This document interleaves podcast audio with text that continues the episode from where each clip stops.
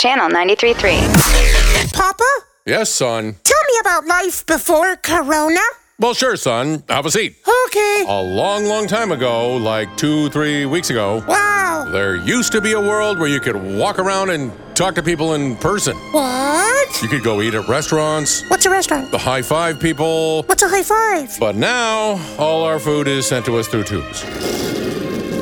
I wish I could have seen it. Yeah, it was something. I need a hug. Nope, stay in your bubble. We have a breach. Disinfecting area.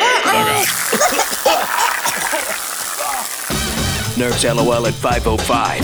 Sponsored by Illegal Pete's. Search LOLs on iHeartRadio.